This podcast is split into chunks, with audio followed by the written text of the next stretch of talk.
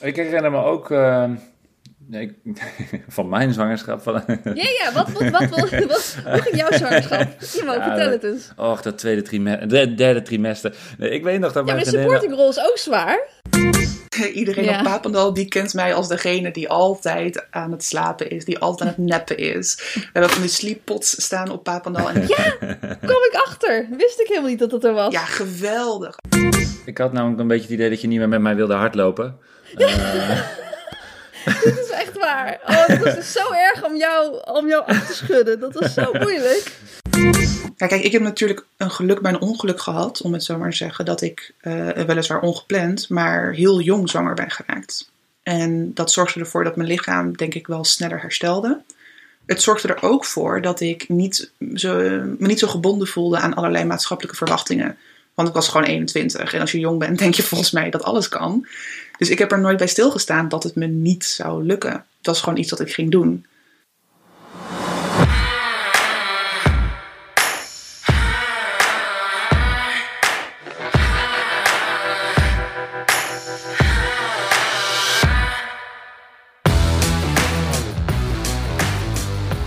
Welkom bij de negende aflevering van Naar de Vaantjes, een podcast over hoe jij jezelf kunt uitdagen alles uit het hardlopen te halen.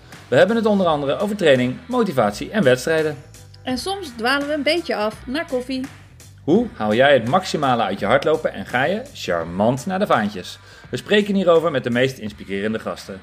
Dus haak weer aan voor een mooie, snelle en gezellige aflevering. Want wij gaan samen helemaal naar de vaantjes. Mijn naam is Iman Muller en aan de andere kant van de lijn zit ze, de moeder van de Olympisch kampioen uit 2048, Susan Cremens. Nice, nice. Waar zijn ze dan, denk je? 2048 zijn de Olympische Spelen in Amsterdam. In Amsterdam, ja, dat komt hartstikke mooi uit. Ja, denk het ook. Ik nee, maar... een pushy parent die ervoor gaat zorgen dat uh, het kind naar de Olympische Spelen moet. niet al druk, niet al druk. ja. Suzanne, gefeliciteerd man. Ja, dank je. Dat was een beetje nieuws. Ja, het was wel... Uh, ik, ik, ik, ik bel je natuurlijk en ik zei, we moeten even nadenken over wat het onderwerp wordt van de volgende podcast. En toen zei je, heb jij een idee? En toen zei ik van, nou, we kunnen het eventueel over bijvoorbeeld hardlopen tijdens de zwangerschap hebben of zo. Ja, aangezien ik toch zwanger ben. En toen wilde ik gewoon verder praten. En jij, wat? mooi. Ja, want normaal ben je altijd super georganiseerd en we spreken best wel ver van tevoren natuurlijk allemaal welke afleveringen van maken. Heb jij een mooi schema gemaakt? Ja, precies. Maar, maar deze is toch niet in het schema? Nee, precies. En ik ben ook even wat minder georganiseerd. Hè. En ik geef wel de schuld aan Pregnancy Brain. Dat is dan weer handig. Kun je gewoon overal de schuld van geven. Nee, dit, uh, dit kwam er even last minute in. Ja. Hey, allemaal leuk en aardig natuurlijk, maar een van de mogelijke bijwerkingen van zwanger uh, zijn is dat je geen zin meer hebt in koffie. En ik zag je net een glas water drinken. Uh, ja, nee, dat is dus echt helemaal niet. Ik snap het echt niet als mensen geen zin hebben in koffie. Maar weet je wat wel grappig is? Um, ja, van alle dingen die je dan niet mag eten en drinken.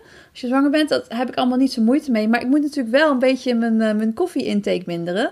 En daar heb ik dus echt het meeste moeite mee. Dus dat ik uh, niet gewoon, uh, nou, tien bakken koffie deed ik toch niet. Maar dat ik inderdaad wat minder koffie moet gaan drinken. Dus uh, dat vind ik wel het zwaarste van alles. Zeg maar sushi en gerookte zalm en al die andere dingen. Dat gaat op zich goed. En kijk, het wijntje, dat mis ik ook eigenlijk niet echt. Maar die koffie, ja, dat is echt... Daar geniet ik wel extra van nou in de ochtend hoor. Dat is wel, dat is zwaar. Ja, ja. toen mijn vriendin zwanger was, toen op, er was een periode, en ik weet niet meer welke fase of welk trimester, maar dat ze geen, uh, dat ze vond ze koffie smerig en ook uh, had ze ook geen chocola meer. Wauw, ik heb net echt allebei op. ja, nee, ja, ja, dat hoeft ook niet. Ik bedoel, uh, ik ja. zou het lekker blijven. blijven ja, nee, het lijkt me gek. Ja, nee, ik heb nog geen hele, hele gekke cravings. Dus nee, het is, wat dat betreft valt het nogal mee. Ja. hey, maar eerst nu even de vraag die je vanaf nu elke dag maandenlang gaat krijgen. Uh, we kregen hem ook op de Instagram en van eentje vond ik heel mooi, want jij heet natuurlijk eigenlijk Suzanne Kuiken van origine. Ja. Uh, en we kregen een vraag van Michel Kip, vond ik al grappig. Michel Kip vraagt, hoe is het met de kleine kuiken? Met de kleine kuiken, kleine kuikentje. Ja, het kleine kuikentje, volgens mij gaat het goed met het kleine kuikentje. kleine kuikentje is vandaag uh, de grootte van een citroen, dus ik draag een citroen bij me. Oké. ja, dus dan weet je weer hoe groot die is. Um, ja, nee, gaat goed allemaal. Dus uh, ja, ik merk er nog niet zoveel van. Hè. Het is, uh, ik was natuurlijk wel een beetje moe, eerste trimester. En met lopen zijn wel heel veel dingen anders. Want hoe ver... Uh, hoe... Ik ben nu 14 weken. 14 weken. Dus uitgerekend de week na de Zevenheuvelenloop. Dus ik denk dat ik dit jaar niet loop. Dat lijkt me een beetje lastig. Um, maar ja, dat is, dat is nog even dus, ja. ja of, of op de dag van de Zevenheuvelen. Dat kan ook heel mooi zijn, toch? Ja, prachtig. Zevenheuvelen. Maar goed, de, de, niet misselijk geweest. Jawel, en dat was dus... Uh, ja, ik was op uh, hoogste stage in Flexstep toen ik erachter kwam. Uh, dus dat was natuurlijk top. En dat was ik eigenlijk vooral omdat ik misselijk was. Ik dacht van, oh man, heb ik weer voedselvergiftiging? Is het me weer gelukt? Hoogteziekte, hoogteziekte. Ja, nee, dat was echt... en ja, dus ik, ik al balen en toen de dag daarna weer misselijk. En ik denk van, nou, hier iedere dag misselijk, maar er gebeurt verder niks. Ja, en toen op een gegeven moment toen toen dacht ik van, hé, hey, zou dit ook iets anders kunnen zijn? Volgens mij is het geen voedselvergiftiging. Dus uh, ja, toen kwam ik er in Flex even lekker achter. Maar toen dacht ik na de hand, dacht ik ook van, ja, ik was ook echt heel erg buiten adem de hele tijd. En ik dacht al van, ja, ik ben natuurlijk niet meer zo fit als toen ik echt nog heel veel trainde. En dan 2100 meter hoogte is natuurlijk sowieso pittig. En ik raakte daar als atleet al altijd buiten adem. Maar nu raakte ik ook buiten adem als ik bijvoorbeeld gewoon ja, een gesprek voerde. En dan gewoon niet bewoog, gewoon aan het praten was, helemaal buiten adem. En ja, tijdens het rennen kon ik ook niet zo heel veel kletsen. Dus ja, achteraf gezien dacht ik van ja, er waren wel al andere tekenen, tekenen behalve uh, zeg maar de misselijkheid. Maar ik dacht gewoon, dat is omdat ik niet fit ben. En nu ben ik gewoon ook de hele tijd buiten adem. Ja, je, je merkt het al aan me. Net vergeet aan te halen. Um, maar nu is het gewoon op zijn niveau. Dus ja, het is... Uh... Maar ik vind het wel... Uh, ik, ik had namelijk een beetje het idee dat je niet meer met mij wilde hardlopen. Dit is echt waar. Oh, het was dus zo erg om jou, om jou af te schudden. Dat was zo moeilijk. Hé, hey, kom maar even naar Hilversum, zo een rondje lopen. Nou ja, poel, uh, ja, druk. Uh. Ik denk, nou, dat is gewoon niet waar dit. Je wil gewoon niet met me lopen. en toen zei je ook nog van, ja, we kunnen ook gewoon, uh, jij mag tempo bepalen. En toen dacht ik, ja, met wandelpauzes of wat wil je? en ik dacht ik echt van, helemaal niet gezellig om mij te lopen, want ik praat dus bijna niet meer tijdens het lopen. Vanochtend liep ik bijvoorbeeld een rondje met Andrew. En en toen na vijf minuten hadden we allebei nog steeds niks gezegd. En normaal als wij samen lopen, dan zijn we gewoon aan het kletsen natuurlijk. En na vijf minuten hadden we allebei niks gezegd. Dus ik moest op een gegeven moment gewoon lachen. En toen zei hij, wat moet je lachen? Ik zo, ja, het is een beetje stil. hij, hij dacht, lekker. dit zeg, lekker, dit. Rustig even, gewoon rustig, gewoon naar de vogeltjes luisteren. Gewoon van mijn rust genieten. Uh, terwijl ja, ik wilde eigenlijk wel praten, maar ja, de, gewoon buiten adem dus. Dus uh, ja, ik vind het wel grappig. Maar goed, dus, uh, ja, dus dat is wel een beetje anders. Maar uh, we, we, trouwens, qua structuur, we hebben straks nog een gast. Ja, we hebben geen structuur, toch? Nee. jawel, jawel, jawel. Uh, Taze Gia, die is de gast, die is moeder. Ja, die is moeder, ja. maar dus, daar heb ik een heleboel vragen aan, want die loopt heel erg hard weer. Ja. Um, dus daar kunnen we het vooral met haar al hebben over hoe het is uh, om weer op te bouwen na zwangerschap. Kun jij ook weer van alles van leren. En hoe ja. het nu met haar gaat. Um, uh, maar hardlopen tijdens een zwangerschap, eh, daar nou ja, ben jij nu dus een week of veertien expert in. Maar ja. dat doe je dus, want je loopt wel minder, denk ik. Of niet alleen maar minder hard. Of hoe, hoe gaat dat?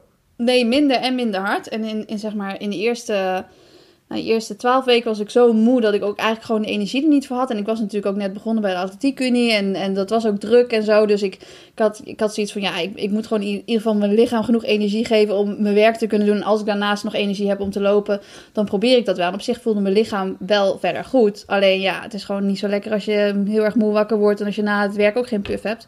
Dus daarom ging ik vanzelf al minder lopen en ook korter lopen. Want dat zei ik nog tegen jou, van ja, duurloopjes. Nou ja, kijk, als ik 45 minuten kan lopen is mooi, maar half uur is ook leuk, weet je wel. Nou ja, uh, voorheen zou ik denken van de 30 minuten ga je loslopen voor een race of zo, weet je wel. Dat is niet, niet dat is bijna geen training.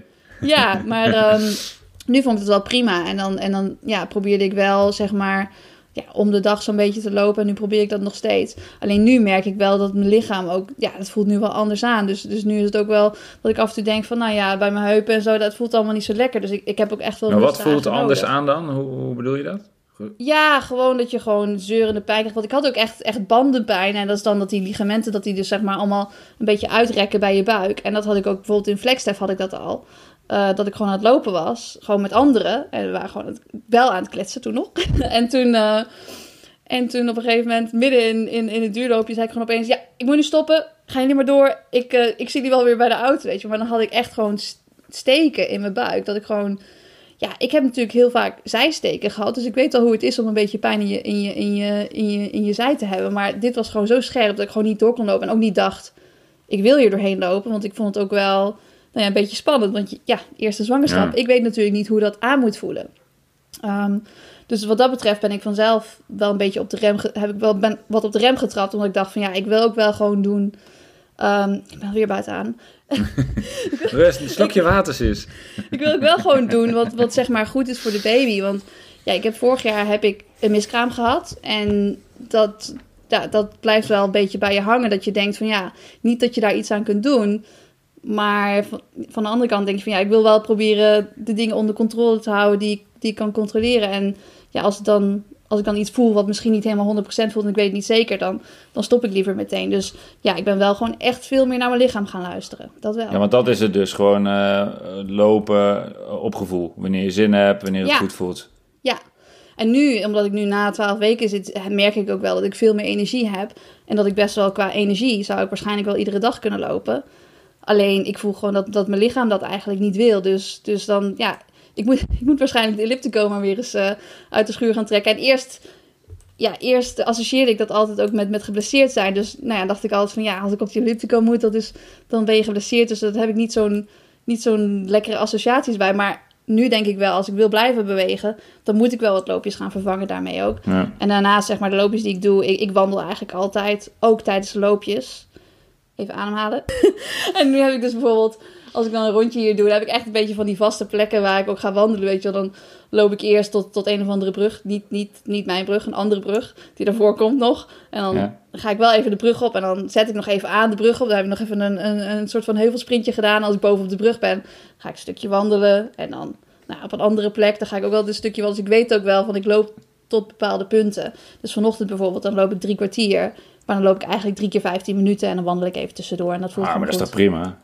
ja, is ook prima. Dus, uh, En ik vind het ook fijn om buiten te lopen. En uh, ja, het is, als ik maar gewoon kan blijven bewegen, weet je wel. Dus liever dan uh, een, een korter loopje en dat ik dan, nou ja, meerdere keren per week loop. Dan dat ik in één keer probeer 60 minuten te lopen en vervolgens vijf dagen vrij moet nemen. Dus ja, wat dat betreft, hmm. er is geen schema. Maar nee, maar het is ook volgens mij heel, heel verschillend. Want ik had het toevallig met mijn vriendin nog over van tot wanneer hmm. heb jij hard gelopen tijdens je zwangerschap? En ja, ja zij dus tot 30 weken. Uh, Maar dat is, ja, er zijn ook voorbeelden die echt nog, uh, die zijn er niet zoveel, maar op de dag van de bevalling bij wijze nog hardlopen. En er zijn er ja, wow. die, die gewoon van de hele zwangerschap niet kunnen hardlopen. Dus volgens mij is er niet een soort handboek, uh, dit moet je doen. Nee, nee, dat denk ik ook niet. En ik denk gewoon dat het vooral is ook blijven bewegen, dat, dat je dan, ja, je zit gewoon beter in je vel en, en, en je voelt je mentaal ook beter. Dus ik denk ook niet dat het ja, het heeft helemaal geen zin om, om je aan tempo's vast te houden of, of kilometers. En ik ben op een gegeven moment ben ik ook gewoon zonder mijn horloge gaan lopen. Want ik dacht van ja, dit is gewoon demotiverend als ik hier naar die splits zit te kijken.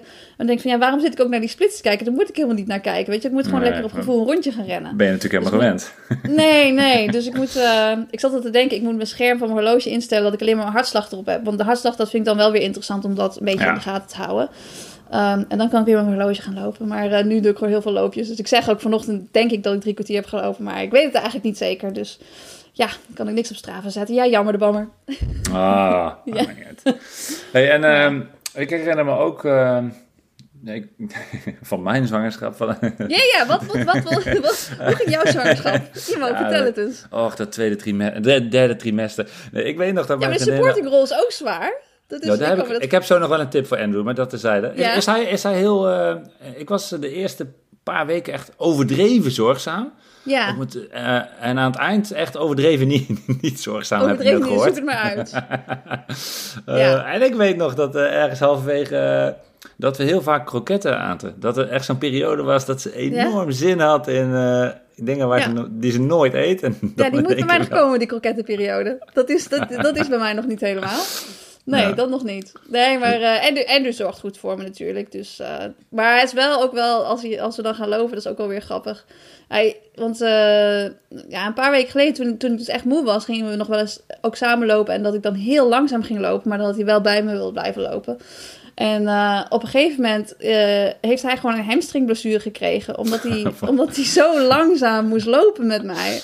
En um, want het is ook, ja, ik, ik ik kon me ook niet bedenken waarom hij nou last kreeg van zijn hamstring. Want het is niet dat hij nog, zeg maar, snelheidswerk doet of zo. Maar toen bedacht ik me opeens dat ik een keertje in, uh, in San Diego was ik een keertje bij een fysio. En die behandelde ook een, uh, een, uh, een snelwandelaarster. En, en zij, had, zij had last, ze had een hamstringblessure. En zij vertelde mij toen ik kan wel hardlopen, daar heb ik geen problemen mee. Maar ik kan niet snel wandelen, want dan komt er echt veel meer druk op die hamstring te staan. Zeg maar, als je langzaam, ja, het is natuurlijk ook die beweging die ze maken. Maar, maar ze zei ook, als je heel langzaam gaat lopen, dan krijg je ook eigenlijk meer last van je hamstring. Dus of als je heel hard sprint, of als je heel langzaam loopt. Maar dat gebied ertussen, dat is eigenlijk perfect.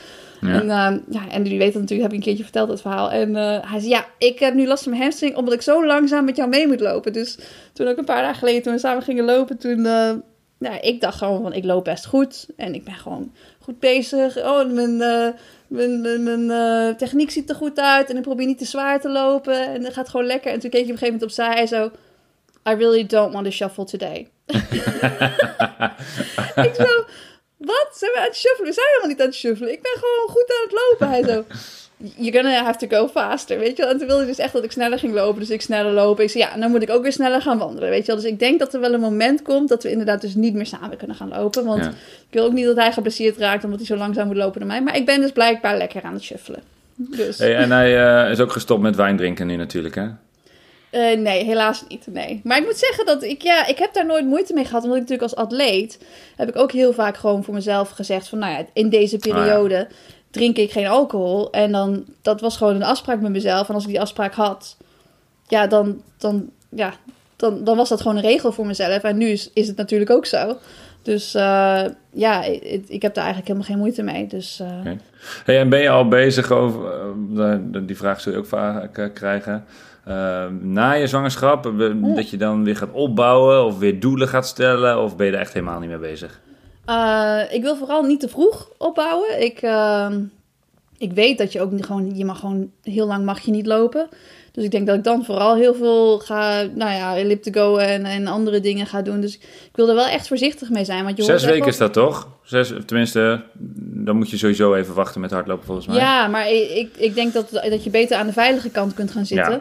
Um, want ja, wat, die paar weken, kijk, als je er toch al op instelt dat je heel lang niet kunt lopen, dan ja, dan, dan denk ik dat dat wel meevalt. En dat je gewoon een ander, ander plan maakt om wel in beweging te blijven. Dus nee, ik heb helemaal geen haast om, om zeg maar weer hard te gaan lopen. Maar ik wil natuurlijk wel weer hard lopen. Dus, en ik vind hardlopen ook leuk om te doen. Maar ik wil wel, ja, als je dan te vroeg begint en als je daardoor later blessures krijgt of allerlei pijntjes die blijven hangen, dan, ja, dan kun je ook minder van het lopen genieten. Dus dat lijkt me ook niet de moeite waard. Nou, er zijn een paar hele goede voorbeelden hè, van hele snelle ja. marathon, uh, marathonmoeders. Precies, precies. Ja, dus en die lopen ook nog gewoon op latere leeftijd ook nog echt hard. Dus het is niet zo dat je niet hard kunt lopen, maar ik moet er wel van kunnen genieten. En mijn lichaam moet het ook aankunnen. Want natuurlijk, voordat ik zwanger werd, had ik natuurlijk ook last van allerlei pijntjes en zo. En dat was op een gegeven moment ook wel, ja, dat ik dacht van ja, als ik dan niet van het lopen kan genieten, dan is dit ook de, de juiste tijd. Ja. Ja. Nou, ik ben benieuwd. Maar goed, dat duurt nog even. Ja, het duurt nog even. De tip voor eh, Andrew is trouwens, en die, is, uh, die heb ik gejat van Kluun. dat boek eh, help ik en mijn vrouw zanger gemaakt. Meeveren. Ja. Meeveren. Dus als jij straks, ja, vooral in die laatste weken, dan die hormonen die gaan door jouw lichaam, je bent helemaal klaar. Meeveren. Ik weet niet wat dat in het Engels is. Is zoiets van bounce along of zo. Ja, ja, dus nergens tegenin gaan. Uh, jou niet afbreken. Gewoon meeveren. Rustig afwachten. Dat is dan altijd het beste. Meeveren, ja. Mooi. Oké, nou, ik zal, ik zal hem de tip doorgeven. Ja, misschien moet ik het zelf doen. Ja, ik doe dat. Dan komt het misschien wat beter aan. Ja, dat is, uh, lijkt me een goed idee. Ja. ja. Nou, ik ben benieuwd. We gaan het er vast uh, regelmatig nog even over hebben. Ja, lijkt me leuk. Ja. En ik, uh, ik kijk uit naar, naar je zoontje. of dochtertje. maar er zitten tweelingen in jouw familie, toch? Ik bedoel, je bent zelf tweeling? Kan dat? Ik ben zelf een tweeling. dat weet je zeker? Tweeling. Nee, dat kan ik je vertellen. Er zit er maar één. Er zit er maar één. Maar ik heb, ik heb één, één gezonde, daar ben ik alvast heel erg gelukkig mee. Dus dat ja, vind ik goed. Ja, dus, uh, en het maakt ook niet uit hè, of het een jongen of een meisje is. Nee. maar uh, hoe, is, uh, hoe is het met jouw loopjes de laatste tijd dan? Want je hebt heel veel eenzame loopjes zonder mij moeten doen. Um, Binnenkort kunnen we trouwens wel een keertje een intervalletje doen hoor. Dat we dan gaan rennen en, en wandelen. Maar ik denk dat je er niks aan vindt. Ah, vind ik wel gezellig hoor. Ja, oké. Okay. kan praten als we wandelen hoor. Nee, mijn lopen gaat best wel uh, goed. Ik heb uh, weer wat wedstrijdjes gedaan. Die gingen wel langzaam, zeg maar. Maar wel, niet omdat ik zwanger was, maar gewoon uh, niet zoveel gedaan. maar wedstrijdjes werkt bij mij altijd heel goed om weer ehm, in vorm te raken, zeg maar. Ja. Eh, dus ik heb die wedstrijd in Londen gedaan, die eh, eh, Night of the 10.000 meter PB's. Ja, daar moeten we het echt nog even over hebben. Dat is voor mijn gevoel alweer heel lang geleden, maar dat is Ja. eigenlijk niet. Dat is Ja, na ik de denk vorige de, de podcast. allermooiste baanwedstrijd die ik ooit gezien heb. Ja, dat dacht ik al. wel. Ja, ik heb hem vaker heb ik hem ook zeg maar online de stream gekeken. Nu natuurlijk ook weer, vooral omdat jij ook liep. Maar Ja, dat was lachen, hè? maar ehm, ja, dat je daar door die tent loopt. Hoe was dat? Ja, twee tenten zelfs, aan beide kanten. Oh, wauw. En, eh, dus aan de ene kant stonden DJ's, aan de andere kant stonden rappers. Ja, gewoon de, he- de hele... Ja, was echt fantastisch. En dus eh, eh, vanaf baan 4 staat dan alle publiek achter hekken. Ja. Ehm, en de laatste race, als die gestart is, dan teelt de mas- massaal alle publiek wat er is, die hekken nog dichter erop. Dus dan is er nog met drie ba- banen. Eh, ja, die sfeer is echt heel leuk. En... ehm, eh, Wordt er en dan ook ik- bier over je heen gegooid? Want ik zit dan te denken, het is, de, de, het is toch de beer and cheer zone of zo? Cheer and- nee, heet dat niet Ja, ja, de, heb de ik dat, beer heb ik dat en- zelf bedacht? Nee, nee, de beer and cheer zone, zo heet het. Ja. Ehm, ja, het, is een, de, het bier was zo duur dat ik dat gewoon lekker eh, zelf allemaal heb opgedronken. En dat deden wij iedereen. Eh, nee, dat was wel het leuke, want ik liep in de allereerste serie om drie uur 's middags. En dan Ja. de, de, de kleppers die komen om eh, half tien, half negen, Ja. half tien, zoiets.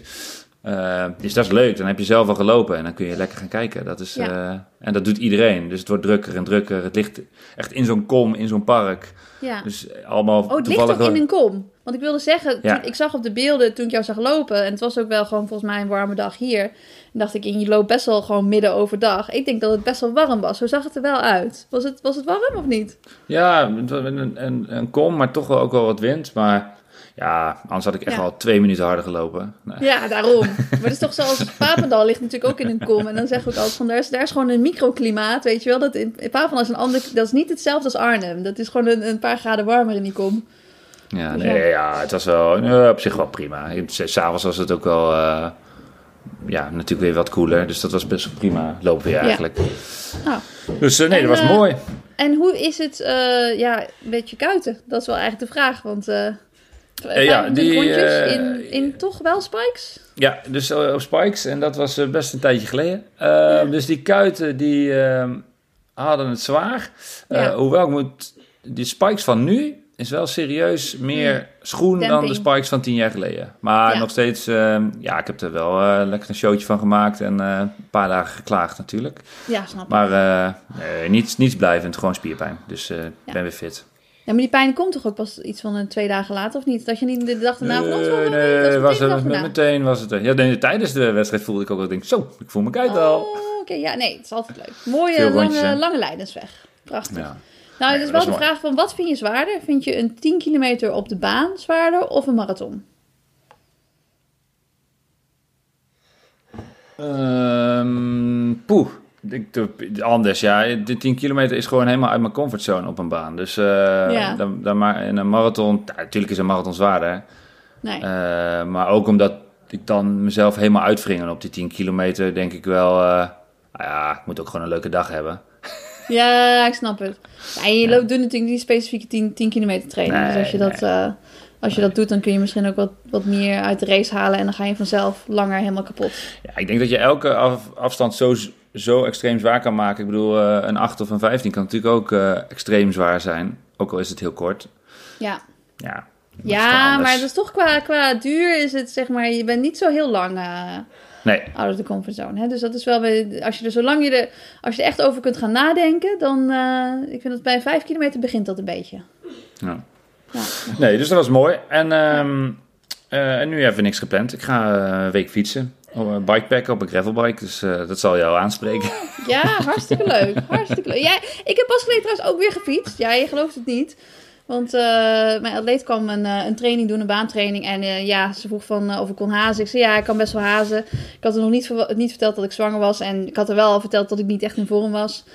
En toen zei ik, ik kan je op de fiets gaan hazen. Dus, op ik zie dat heel ik- vaak, maar dat lijkt me Ja. best moeilijk. Want je ja, moet dat echt is heel... dus ook wel moeilijk. Maar op een gegeven moment, ja, wat ik dan deed, want zij deed eigenlijk eh, duizendjes in, in, in combinatie met 400. Van een leuke training doe je 1000 meter, ehm, eigenlijk een beetje 10 kilometer tempo.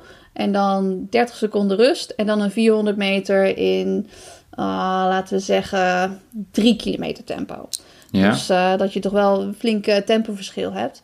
En, dan, uh, en daarna dan een rondje dribbelen als rust. Dus dan heb je na een set iedere keer wel, wel lange pauze. Maar die combinatie, dat is natuurlijk wel pittig. Um, maar goed, deze duizendjes op de grasbaan en de 400 op de atletiekbaan. En dan mocht ik er dus voor. Maar dan bij die 400 moest ik inderdaad ook wel gewoon in de bocht starten. En dat ik haar dan niet start. En dat ik dan eventjes alvast kon beginnen met trappen en tempo maken. En dan heb ik gewoon het horloge gewoon, ja, gewoon op het stuur. En dan kun je eigenlijk gewoon precies... Ja, dan moet je proberen een beetje gelijk te houden. Het is wel moeilijker dan lopend inderdaad. Maar eigenlijk ging het wel goed. En ze deed een goede training. Dus uh, was ik heel erg blij mee. Ja. Ik zie het vaak op de Instagram van uh, Mike Foppen. En dan is die trainer, die moet dan dik boven de 20 in het uur. En dan zitten ze precies in het wiel. Dan denk ik, oh, dus je moet echt heel constant fietsen. Ja. Maar goed, andere... Dus, uh, ja, ja net zoals je een keertje een haast nodig hebt, dan kun je gewoon iemand op een fiets zetten. Dat is natuurlijk ook wel handig. Dus, uh, maar goed, ja. Nou, Als je geoefend genoeg bent, dan kom je maar een keer naar Utrecht. kom ik je hazen op de fiets. Ja. ik ben hartstikke geoefend. Ik kon zelfs met de wind en zo, ging allemaal best wel goed. Dus ja. Klasse. Wie weet, ja. Tijd voor onze gast. Ja. Oh, voordat we naar de gast gaan, eerst toch eventjes een segment van onze vrienden van het Nederlandse supplementenbedrijf Virtuoos. En dan moet je aanspreken, Suus. Het gaat namelijk over collageen. Oh, collageentjes. Ik hou van collageentjes. Ik heb het opgezocht. Collageen is een eiwit met een hoge hoeveelheid aminozuren en zorgt voor structuur, stevigheid en elasticiteit van onze bindweefsels zoals pezen, gewrichten en botten, maar ook van je huid en je haar. Die gaan mooi glanzen. Maar goed, jij, jij, kent het. Uh, maar voor lopers ook heel belangrijk, want botten, pezen, gewrichten, die moeten sterk zijn om goed te functioneren. En daarom kan het verstandig zijn om extra collageen te nemen. Uh, in de vorm van een supplement bijvoorbeeld. Ja. Of haribo-beertjes. Of Haribo, hele zakken haribo-beertjes. Nee, nee, ja.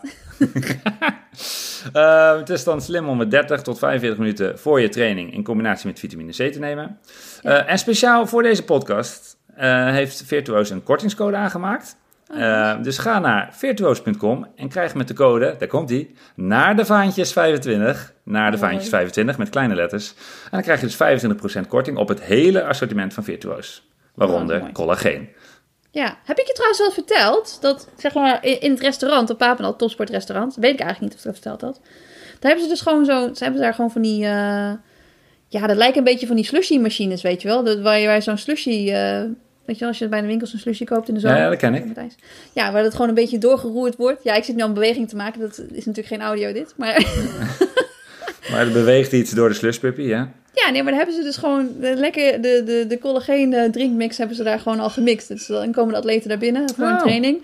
En dan, nou, bidon eronder, dat drinken. En dan eventjes uh, de training bespreken of wat dan ook. En dan, nou ja, 45 minuutjes later ga je trainen. En dan nou ja, hoef je er niet voor te zorgen dat je het zelf meenam. Dus dat maken we alles heel makkelijk voor de atleet. Hè? Dus, oh, uh, heel goed. Ik vond het wel, vond het wel handig. Ja. Ja, ik weet niet of je zo'n heel apparaat thuis aan kan schaffen. Dan is misschien een pilletje met een glas uh, sinaasappelsap handiger. Ja, ik denk het ook. Maar ja. timing is belangrijk wel. Dus, ja, nee, dat is zeker belangrijk. Nou, dat, uh, dat was hem. Laten we verder gaan met de aflevering. En dan is het tijd voor onze gast. Tassa Gia. En ik heb het even opgezocht. In 2013 won ze al goud op de EOF. Dat zijn de Olympische Spelen voor, uh, voor jeugd. Uh, ze won de 200 meter als eerste Nederlandse ooit. Uh, ze was ook al op de Spelen van Rio in 2016.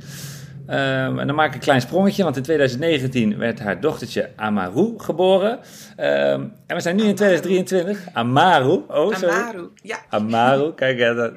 Um, en afgelopen weekend in Ordegem liep ze als zevende Nederlandse dame ooit onder de 23 seconden op de 200 meter. Nou, dat is echt heel hard. Suzanne en ik hadden het er net over. Daar komen wij belangen naar niet in de buurt. En uh, nu zit ze bij ons in de aflevering. Dat vind ik heel erg leuk. Tassa, welkom. Ja, dankjewel. Bedankt voor de uitnodiging. Ja, want uh, volgens mij heb jij net getraind, of niet? Je komt rechtstreeks uh, vanuit de training. Ja, klopt, inderdaad. Ik uh, was om vier uur klaar in Arnhem en toen ben ik in de auto gesprongen, maaltijd in de auto weggewerkt en meteen hier, hier naartoe gekomen. Ja, heel strak, maar dat, ja. dat is perfect. Ja, ja want een heel bijzonder verhaal. Sowieso uh, nou, sowieso. Uh, vanaf 2013 al heel erg hard en, aan het lopen. Maar nu, sinds afgelopen weekend, weer een, een grote stap gemaakt. Tenminste, zo, zo zie ik het. Zie je het zelf ook zo? Ja, zeker. Ja, absoluut qua tijd. Maar ook als persoon eigenlijk een grote stap gemaakt. Zeker, ja. Maar was het ook een verrassing dan? Of had je het ja, wel gehoopt, maar ook gedacht al? Um, nou, wat ik dit jaar heel anders heb gedaan, is echt zonder verwachtingen ergens ingaan. Vond ik altijd een extreem vervelend cliché. Ik geloofde daar nooit in. En ik merkte wel dat, tijdens trainingen dat het echt heel erg goed ging. Maar ik heb daar toen nog niet bewust een tijd aan gekoppeld. Want met verwachtingen stellen, dan, dat, dat deed jij altijd in combinatie met een tijd. Dus dan had je een bepaalde verwachting van jezelf eh, over een tijd die je zou moeten lopen. Ja, ja, klopt. En dan was het ook vaak zo, als ik dan de eerste wedstrijd niet, nou ja, zeg maar, ik zeg maar wat, eh, een half seconde in de buurt van die tijd zat, dan was het voor mij al van, oh, dan kan ik dat niet meer halen. Hmm. Die sprong kan ik niet meer maken. Dus dat werkte altijd een beetje verlammend. En ja. uh, nou, nu kon ik voor het eerst veel vrijer erin gaan. Bedoel je dat dan ook met dat je als, als een ander persoon daar stond? Ja, ook. Ja, er is natuurlijk heel veel veranderd in mijn leven. En ik voelde nu voor, nou, niet voor het eerst, maar in ieder geval op sportief vlak ook, dat dat als het ware, um, ja, dat het overcijpelde, om het zo maar te zeggen. Dat de persoonlijke ontwikkeling die ik had doorgemaakt, die, dat ik die nu ook op de baan voelde. Dus dat vond ik wel een bijzonder moment. Ja, ja mooi. Hey, en jouw dochtertje, um, hoe oud is ze nu? Vier, vier jaar. En heeft, heeft ze een beetje door uh, waar jij mee bezig bent? En hoe goed dat uh, gaat?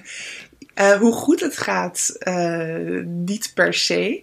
Ze is er wel heel erg mee bezig. Ja, ik heb mijn filmrol staat vol met leuke filmpjes van haar in startblok, op de atletiekbaan. Ze ging ja. vanaf begin af aan ging ze al mee naar trainen. Um, en ze zegt ook vaak als mensen dan vragen: Oh, wat doet jouw mama? Dan zegt ze of: Nou, mijn mama werkt niet, want in haar hoofd is het, ziet werken er anders uit. Ja. Maar het is in kantoor. Bij, ja, het is niet op kantoor inderdaad. Maar ze zegt er wel altijd lachend bij dat ik heel hard kan rennen. Harder dan alle andere moeders. Dus dat, ja. dat wel, ja. En dat is ook wel waar, denk ik. Ja. Het is wel uh, misschien ja, wel de, snel, de, de, snelste moeder in ieder geval die je ken. In ieder geval Nederland, ja zeker. ja. En was ze erbij dit weekend? Of gaat ze nee, mee naar wedstrijden? Ze, gaat, ze is wel een paar keer al mee geweest naar wedstrijden. Maar ja. nu ze naar school gaat, moet ze, we hebben ook natuurlijk bedtijden. Waar we een beetje ja. rekening mee moeten houden. Dus ze was er nu niet bij. Maar ze gaat er zeker wel weer bij zijn. Want ze vindt het ontzettend leuk om mee te gaan. Ja, ja leuk. Ja, ook dat ze in 2019 geboren werd. Het is, het, ik, uh, ik probeerde dus, want ik wist het niet zeker hoe oud je dochtertje was. En toen ging ik kijken naar, jou, uh, naar jouw progressie in statistieken. Als je kijkt naar al die 200 meters die je hebt gelopen sinds 2013. En heb je eigenlijk ieder jaar gewoon hard gelopen. En ik denk, hoe dan? Waar? Wanneer ben je zwanger geweest? Weet je wel, aan je statistieken is het gewoon niet te zien. Dus ik, ja, ik ben natuurlijk net, net zelf zwanger. En dan vraag ik me af, ja, hoe heb je dat in ja. hemelsnaam gedaan? Dat je ieder jaar gewoon echt nog wel heel hard hebt gelopen. Ja, nou, dat is denk ik een beetje dubbel hoor. Want uh, ik denk na die Spelen in 2016 was wel een beetje de verwachting van mensen: oh, nu gaat ze, gaat ze doorknallen. Want ik was mm. natuurlijk als junioren, liep ik al, ik weet niet wat ik toen liep, maar in ieder geval zo hard dat ik, uh, dat ik individueel naar het WK ben geweest, WK junioren. Mm -hmm. En toen ik mee ging naar de Spelen, dacht iedereen: oh, nu, nu gaat het komen. Um, terwijl eigenlijk bij mij het vuurtje toen juist een beetje gedoofd is. Dus die jaren daarna ben ik, voor mijn gevoel althans, ben ik echt juist heel erg afgevlakt. En ja. niet in de buurt van mijn potentie gekomen. En ik heb nu pas voor het eerst dat ik weer denk, en dat heb ik niet bij de 2295 hoor. Dat is dan, wil nog wel een stukje harder. Mm -hmm. Maar nu voor het eerst dat ik denk van, oh, ik ga een stap zetten die past bij de trainingsarbeid en ook bij wat ik kan. Ja. Ik ja. Uh, las ergens, en dat vond ik wel uh, een hele mooie uitspraak, dat je moest vrij vertaald, dat je moest balanceren, dat je nu moet balanceren tussen egoïsme en moederschap. Mm. En, en inderdaad, ik heb zelf ook een zoontje en ja, als je ergens anders heel veel tijd in steekt, gaat dat ten koste, zo tenminste zo voelt dat, uh, van je kind, zeg maar. Dat lijkt me, en zeker, uh, ja, je moet soms echt voor jezelf kiezen, alleen al qua reizen of qua rust. Mm. Hoe, ja. hoe, hoe ja. doe je dat balanceren? Ja, dat is, dat is denk ik de grote vraag voor elke moeder überhaupt. Uh, we zijn met z'n allen toch een beetje bang om onszelf te verliezen in het moederschap. En dat heb ik natuurlijk ook, uh, daar, daar speel ik ook wel eens mee met die gedachte van, doe ik mijn kind niet tekort? Um, wat voor mij heel erg belangrijk is geweest van het begin af aan, is dat Amaru altijd een ja, een hechtingspersoon, noem je dat dan. Iemand om zich heen heeft waar ze, die ze volledig vertrouwt. En in ons gezin heb ik het geluk gehad dat mijn partner echt een, een meer dan volwaardige vader voor haar is. Want je ziet toch vaak dat vrouwen de zorgtaken op, op zich gaan nemen. En op het moment dat je dan als moeder meer tijd in iets anders steekt, dat dat direct ten koste gaat van de zorg voor je kind. Nou, bij ons is het zo, ik ben ook bijvoorbeeld drie weken op trainingstage naar Italië geweest zonder haar zij is gewoon bij haar vader. En voor haar is dat. Zij is zo gewend dat hij er ook altijd is. En zo gewend dat hij, hij doet ook haar haar. Hij gaat ook met haar naar de speeltuin. Hij doet ook al die dingen met haar. Ehm, mhm. Dat het voor mij minder bezwarend is om voor mezelf te kiezen. En ik heb daarnaast ook nog mijn moeder, die ik denk bijna elke dag bij ons thuis is geweest op die momenten dat, uh, dat ik weg was. Dus ik heb gewoon het geluk dat er mensen om Amaru heen zijn die die zorg gelijkwaardig kunnen delen met mij. Mhm. Ehm, en daarnaast vind ik het ook heel belangrijk om een dochter op te voeden die ziet dat je als vrouw in de maatschappij meerdere dingen kan zijn dan alleen moeder. En dat dat niet slecht is, dat dat je geen slechte moeder maakt. En dat je dus best in staat bent om heel veel van je kind te houden, daar heel veel liefde en zorg in te stoppen, maar dat het niet ten koste hoeft te gaan van je eigen ambities en van je eigen dromen. Ja. Mooi. Ja, en ik denk uh, stiekem zelfs uh, dat ze nou, nu al maar alleen nog maar trotser wordt, zeg maar, dat ze op school uh, vertelt dat ze zo'n snelle mama heeft. Weet je, dat, hoeveel kinderen kunnen dat zeggen? Ja, ja, dat speelt ook zeker mee, ja. En, en, denk je dat je sinds je moeder bent, dat je zeg maar anders op de baan staat als je je trainingen doet? Nou, ja, zeker nu. Ik heb de eerste nou ja, drie, drie jaar van haar, van haar leven heb ik de trainingen heel erg om haar heen gebouwd. Maar mhm. nu voelt het wel heel erg. Kijk, ieder moment dat ik weg ben, had ik mhm. ook met haar kunnen besteden. Ja. Dus het is voor mij wel heel erg. Kijk, als ik op de baan sta, dan ga ik daar niet, ga ik daar niet mijn tijd verspillen. Um, Ik weet gewoon, ik had nu ook met haar iets kunnen doen. Dus dat stukje is er. Um, en anderzijds sta ik er ook wel meer ontspannen in. Want als ik nu een slechte training heb, dan kom ik thuis bij een kleuter die het in die zin helemaal niks kan schelen of ik net mijn richttijden heb gehaald. Nee, die is gewoon blij dat mama er weer is. in perspectief plaatsen dan. Ja, ja precies. Dus ik, ik sta met meer ontspanning op de baan. En als het slecht gaat, dan denk ik ook soms gewoon van, ja, weet je, thuis maakt dat niet meer uit. Nee je ziet dat natuurlijk sowieso vaker, dat ook bij die marathonloopsters, dat, dat ze soms, ja, dat atleten gewoon beter worden als ze moeder zijn geworden. Dus ik denk ook wel echt dat dat daarmee te maken heeft. Ja, ja ik denk dat dat ook, ik denk dat dat echt wel uitmaakt. Dat, en dat het je als persoon natuurlijk ook wel kan bevrijden. Um, en ik raak ook veel minder snel in paniek van dingen. Dat helpt ook enorm. Je bent met een kind zo gewend dat je. Ja, het leven gebeurt gewoon en je moet je mm. iedere keer aanpassen. Dus ik ben ook niet meer zo snel van slag. Nee, dus dat je de controle, dat, je bent dat gewend dat je die niet altijd hebt. Ja, ja. mooi. en, en, nog een vraag, is misschien een beetje gek dat ik die stel, denk ik nu. Maar is er, er is natuurlijk, zeg maar, voor, uh, voordat je moeder was uh, en uh, sinds je moeder bent, en natuurlijk is er iets veranderd. Ik bedoel, je hebt een hartstikke lief dochtertje. Maar is er lichamelijk ook, zeg maar, trainingstechnisch iets uh, fundamenteel anders geworden? Weet je, ben je, uh, was het moeilijker om explosief, ik bedoel, je moet extreem explosief zijn uh, te worden? Of is het, herstel je langzamer of, of, of is er eigenlijk helemaal niks veranderd? Nou, um, er, er is heel veel veranderd. Um, kijk, sowieso natuurlijk, je lichaam gaat er anders uitzien. Dat was, dat was voor mij een van de duidelijkste dingen die ik ook moeilijk vond. Um, en ook na de bevalling had ik het idee was 21, super fit. Nou, ik ben bevallen, huppakee, we gaan gewoon door waar we geëindigd zijn, om het zo maar te zeggen. En ik kreeg toen allerlei onverklaarbare pijntjes, um, die ook niet direct te linken waren aan een zwangerschap. En bij mij was dat bijvoorbeeld een hele diepe bilpijn. Mm En we hadden geen idee, en dat blijkt nu drie jaar later waarschijnlijk een stressfactuur te zijn geweest. Oh, heeft niemand naar gezocht, heeft niemand aan gedacht. Ze hebben allemaal hun bekken hebben ze gecheckt, maar konden ze niks vinden. Dus die kleine pijntjes heb ik de eerste jaren wel gehad. En ik heb ook uh, drie jaar borstvoeding gegeven. En ik merkte dat in die drie jaar dat mijn hormonen wel echt anders werkten. Inderdaad, ik miste een stukje explosiviteit. Ik kwam veel moeilijker spiermassa aan. Uh, mijn snelheid was gewoon niet wat het was. En sinds mhm. ik gestopt ben met borstvoeding, merk ik nu eigenlijk weer dat mijn oude lichaam, om het zo maar te zeggen, term waar ik niet heel erg gelukkig altijd mee ben, maar in ieder geval het lichaam zoals ik het kende van voor de zwangerschap, dat dat, dat nu alweer helemaal terug is en dat ik nu niet meer hoef aan te passen. Maar het heeft wel even geduurd, ja.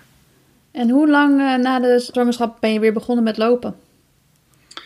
Wij hebben toen de 12 weken regel aangehouden. Mm ja, twaalf weken na de zwangerschap ben ik rustig begonnen met opbouwen. Uh, heel veel op kunstgras ben ik toen gaan doen. Uh, hele kleine sprongetjes en zo. En toen volgens mij vanaf 16 tot 20 weken zijn we weer naar de atletiekbaan gegaan. En zijn we daar weer begonnen. Want als jij zegt we, wie, is dan we? Is dat dan uh, je, je, coach of is dat dan ook je... Okay, ja, ja, ja nee, mijn, Uh, ik, heb, uh, ik had twee vrouwelijke coaches toen, heel fijn. Uh, ja. Marita en Els. En zij, eerst met Marita alleen en daarna met Els er nog bij, hebben we met Marita tijdens de zwangerschap al. En het eerste jaar na de bevalling hebben wij samen gedaan. Ja, en daarna ja. met Els erbij. En die twee vrouwen zijn ook allebei moeder? Ja, ja, ja. ja en dat helpt wel dat dan, helpt denk ik. Hè? Ja, ja, ja want vra vaak vragen mensen van ja, was het niet heel heftig om dat te combineren? Mm -hmm. Maar ik heb het die eerste drie jaar echt niet als belemmering ervaren. Mede omdat ik twee vrouwen naast mij had staan die ja. niet anders wisten dan dat je, dat je moeder was en dat daar bepaalde dingen bij kwamen kijken. Dus als ik een nacht vijf keer was opgestaan om dat kind te voeden. En ik belde de volgende dag van: hey, kunnen we twee uur later trainen? Want ik ben kapot. Dan was het ja, natuurlijk meid, ga slapen. We zien je dan wel op de baan. Ja. Uh, die begrepen dat gewoon. Dus dat, ja, dat, dat was heel fijn samenwerken. Maar dat kon je wel zeggen, want dat, dat, dat lijkt me ook al moeilijk, zeg maar. Uh, want je, ja, je denkt, ja, het is niet anders. Ik ben nu moe, maar ik moet ook trainen. Zeg maar, het, het dan extra rust pakken, wat, dat advies kun je heel makkelijk aan iemand anders geven. Ja. En misschien wat moeilijker aan, aan jezelf. Tenminste, dat is... um, rust nemen in brede zin, ja. Ik ben wel iemand die moeilijk dingen kan laten liggen. Maar mijn slaap pakken. Iedereen ja. op Papendal die kent mij als degene die altijd aan het slapen is. Die altijd aan het neppen is. We hebben van die sleeppots staan op Papendal. En... Ja, kom ik achter. Wist ik helemaal niet dat dat er was. Ja, geweldig. Leg dit even uit. Ja, ik wil eigenlijk niet dat iedereen het weet. Want ik wil niet... Uh... Ik vind het grappig. Ik heb het wel eens bij Google gezien of zo, maar... het moet niet, niet te populair worden. Ze zijn geweldig. Ja, we hebben achter in Papendal, als je langs de servicebalie loopt, hebben we drie sleeppots staan. Dat zijn een soort van ja, je moet het zien als een soort van uh, strandbedden of zwembad uh, um, stoelen waar je helemaal in kan gaan liggen. Ze zijn heel zacht. Dan krijg je een soort van klep die gaat voor je gezicht, dat het ook helemaal donker is. Koptelefoon op, uh, massagetrillingen gaan aan en dan kan je gewoon Oeh. slapen. En het is ideaal. Je kan muziek opzetten, je kan geleide meditatie opzetten, je kan stilte doen. En na 20 minuten, of tenminste in mijn geval na 20 of 30 minuten, dan begint hij te trillen, gaan er lichten langzaam aan en dan wekt hij je. Maar dit heb jij dus, om het maar zo te zeggen, op jouw kantoor. Dit ja. moet ik ook hebben. Ja, ik heb ze, ja heerlijk. Want, ja. hoe, uh, want hoe lang ben jij nu op Papendal? Nog niet uh, heel lang, toch? Nee, klopt. Ik ben afgelopen november ben ik ingestroomd. Dus uh, half, ja, iets meer dan een half jaar, denk ik nu. En, en dat bevalt goed, dus even los van de naps. is wel een belangrijk pluspunt. Ja. maar nee, dat bevalt, dat bevalt echt, echt ontzettend goed. Ja, ik vond het een doodenge keuze. Want mm -hmm. dan opeens dan opeens ging ik echt uh, de sportersidentiteit voorrang geven op het gezinsleven. Ja. En uh, dat vond ik heel eng. Hoe ga je dat doen? Ook in een omgeving waar in de sprintgroep niemand anders een kind heeft en daar ook totaal niet mee bezig is. Mm -hmm. En de meeste, meeste coaches ook het gezinsleven gewoon op twee hebben staan naast hun mm -hmm. baan als topcoach. Um, dus dat heb ik echt wel heel erg spannend gevonden. En dat is ook de eerste maanden was dat vond ik dat ook best moeilijk. Want nu opeens, wat je net zei over rust vragen, dat vond ik nu opeens heel moeilijk om te zeggen: hé, hey, ik heb een slechte nacht gehad. Ja, ja eigenlijk. Je moet een dutje hebben, ja. Ja, eigenlijk kan ik nu niet volle bak alles geven. En dan heb je. Ja, dan, dan heb je niet de omgeving waarin ze meteen snappen dat er mm. inderdaad op het moment dat jij naar huis gaat een kind rondloopt en die ook s'nachts wakker kan zijn. En natuurlijk heb ik dan dus mijn partner die er alles aan doet om mij te ondersteunen. Maar als die ook al vijf nachten niet geslapen heeft, ja, dan op een gegeven moment betekent het gewoon ook dat ik een nacht ga doen. Ja. Dus dat vond ik in het begin echt heel erg moeilijk. Um, ondertussen mede ook, um, kijk, omdat ze gewoon vrij snel zagen dat ik heel serieus in trainingen was en daarin vooruitgang boekte. Um, konden die gesprekken gewoon plaatsvinden. En eigenlijk al vanaf het begin hoor, konden die gesprekken wel plaatsvinden. Maar ik had het vertrouwen wel heel erg nodig dat de staf mij serieus zou nemen. Ja. En dat is nu absoluut gekomen. En dan merk ik ook dat ik, um, waar ik indoor nog wat gespannener was, dat ik nu in één keer, nou ja, als het ware, dus die vrijheid ervaar. En dat vertaalt zich dan ook naar de baan. Ja, oh, mooi. Ja. Wauw. Dan nog even een vraag over je progressie. Uh, denk je dat je juist die progressie hebt geboekt door de omgeving op Papendal waar je traint en zeg maar de atleten waarmee je nu traint? Ja, absoluut, absoluut. Uh, kijk, met Marita en Els hebben we ontzettend goed gewerkt aan de basis. En zij hebben me ook heel erg geholpen om na, ja, met dat veranderende lichaam te, te werken en daar weer aan te wennen. Maar op een gegeven moment had ik wel gewoon een fulltime staf nodig. En uh, zij hebben allebei hun eigen baan er nog naast. Mm en ik had ook geen groep meer, dus ik trainde altijd alleen. En nu merk ik dan echt wat dat voor mij doet. Dat ik elke training, uh, zijn er gewoon vijf coaches bij. Er is fulltime fysio bij, een sportarts bij. En gewoon de meiden die allemaal knijterhard lopen. Waardoor ik tijdens een training niet kan denken, oh, vandaag doen we even 50%. Nee, want mm. dan word ik er gewoon afgelopen. Ja. Dus dat heeft mij, dat heeft mij enorm geholpen. Ja, absoluut. Ja. Mooi. Mooi. Hey, en uh, wat staat er nu uh, op de planning qua wedstrijden? Nou, aankomende zondag FBK Games in Hengelo. Yes, Dus, ja, daar ben ik heel erg excited over. Dat is iets dat ik de afgelopen jaren iedere keer heb moeten afzeggen. Ik mocht iedere keer dan wel op voorprogramma lopen, maar mm was vaak gewoon uh, nog niet fit of geblesseerd of niet goed genoeg. En nu kan ik dan in één keer uh, hoofdprogramma lopen op de 200 meter. Dus is het ook de eerste keer dan bij de FPK? Of, of, heb je mhm. wel eerder voorprogramma gedaan? Nooit. Nee. Wauw, nee, eerste keer gewoon meteen bam. Ja, ja, ja, ja, ja. Dus ik, nou, nu vertel ik het nog heel blij. Vrijdag en zaterdag lig ik ergens in de zenuwen in mijn eentje. Maar ik heb er heel veel zin in. Ja. ja. En uh, heb je dan spe speciale supporters? Is, is Amaru uh, erbij? Ja, ik wil haar wel meenemen, maar dat is op zondag en het is ook weer laat. Dus we zijn nog ah. even met elkaar aan het onderhandelen hoe hm. dat gaat zijn. Ja, dat is ook een uh, stuk rijden natuurlijk. Ja, ja het is ook heel erg ver. Ik zou het wel heel leuk vinden, maar niet ten koste van uh, haar slaap. Het is ook live op tv, hè? Ik wou zeggen, als het goed is, kom je gewoon op tv. Dat is, ja, uh... nee, dus daar gaan we nog eventjes kijken wat we gaan doen. Maar er komt in ieder geval familie kijken, dus ik heb er heel, heel veel zin in. Ja. ja. En daarna? Daarna, um, daarna loop ik in Genève. Dan gaan we mhm. met, we lopen zondag ook 4 keer 100 met estafette. En in Genève lopen we nog een keer de 4 keer 100 met de estafette meiden. Uh, um, Dessau in Duitsland staat er nog op. Le Show in Zwitserland staat er nog op. Dus we hebben best wel wat leuke wedstrijden. Iets in Budapest misschien? Ja, ik wou zeggen, dus ik ga en, ja, maar dat, ja, maar dat is dus altijd weer over die verwachtingen hebben. Ja. nee, maar je hebt geen vakantie uh, geboekt in, uh, in augustus, oh, of wel? Ik heb überhaupt geen vakantie ooit geboekt. Nee. nee, nee, nee. altijd nee, hard aan het werk. Ja, ja. Okay, nee, dus Budapest nice. is zeker dan het eindpunt voor dit jaar. Ja, ja mooi. Ja, mooi. Mooi programma ik heb nog wel, uh, nog wel één uh, vraag en dat is misschien uh, een wat ingewikkeld antwoord. Um, want als ik dit zo hoor, weet je, um, het, het, het, het, eigenlijk hoort het geen onderwerp te zijn, vind ik. Maar het is wel een onderwerp, namelijk topsportende moeders.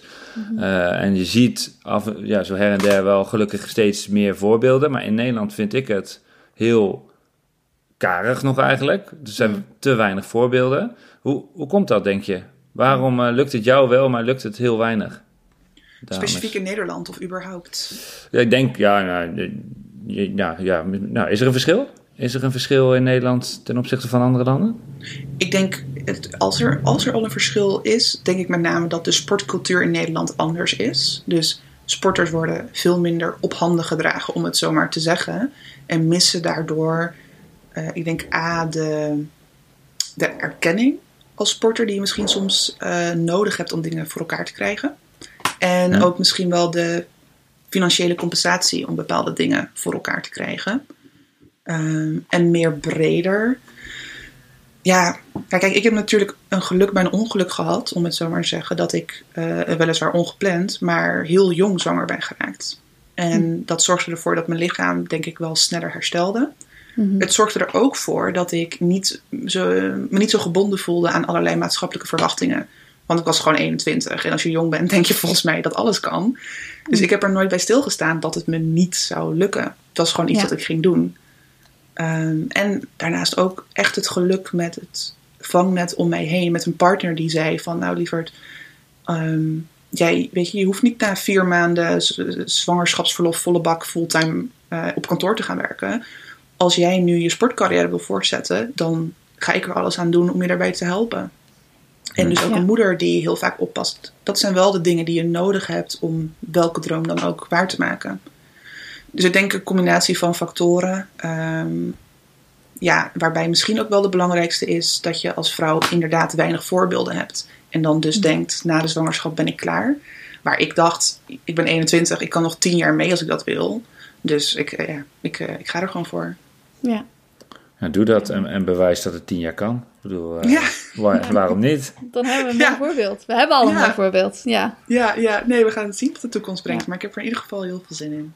Nou, gaaf. Ik zit, uh, ik zit uh, voor de tv zondag. En Suus, jij bent denk ik daar. Ik ben daar natuurlijk. Ja, ja ik, ik had er natuurlijk ook in Oordegem gezien. Dus dat was uh, mooi. Ik ja, kwam net binnen en toen knalde jij net, net die 200 meter eruit. En ik zei, wow, ja. wat is...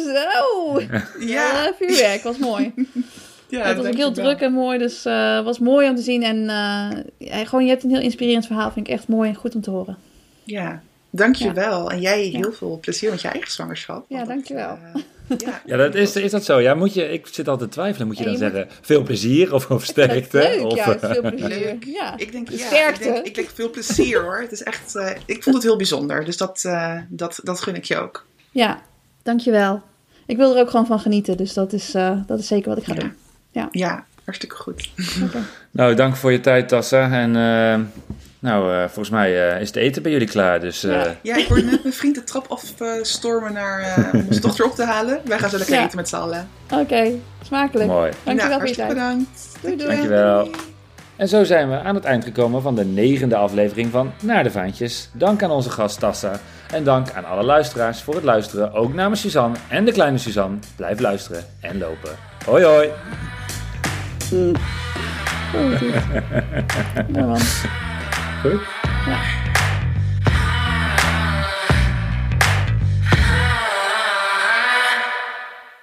Oh ja, heb je nou een prachtige naar de vaantjes foto van jezelf? Post hem dan met de hashtag naar de vaantjes. Ja, of als je nou op social media een foto voorbij ziet komen van iemand waarvan je denkt, nou, die is echt enorm naar de vaantjes gegaan. Zet de hashtag er dan onder. Of je mag ons ook altijd taggen, naar de vaantjes podcast. Dan kunnen we allemaal lekker meegenieten.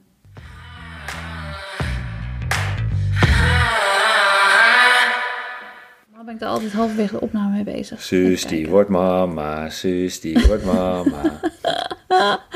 en de vraag is, wordt ja. het een jongen of een meisje? Ja, dat weet ik nog niet, hè? Nee, maar wat denk je? Ja, ik, weet je, ik, ik heb echt geen idee, maar het schijnt...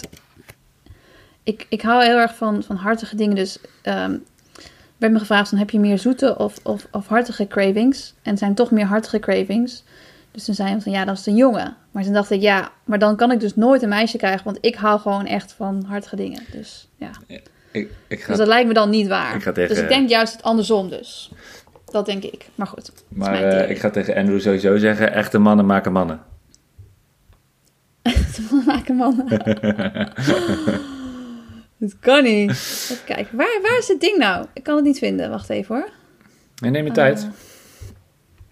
Ja, is pregnancy brain. Alles duurt gewoon langer. Dit is wel echt waar.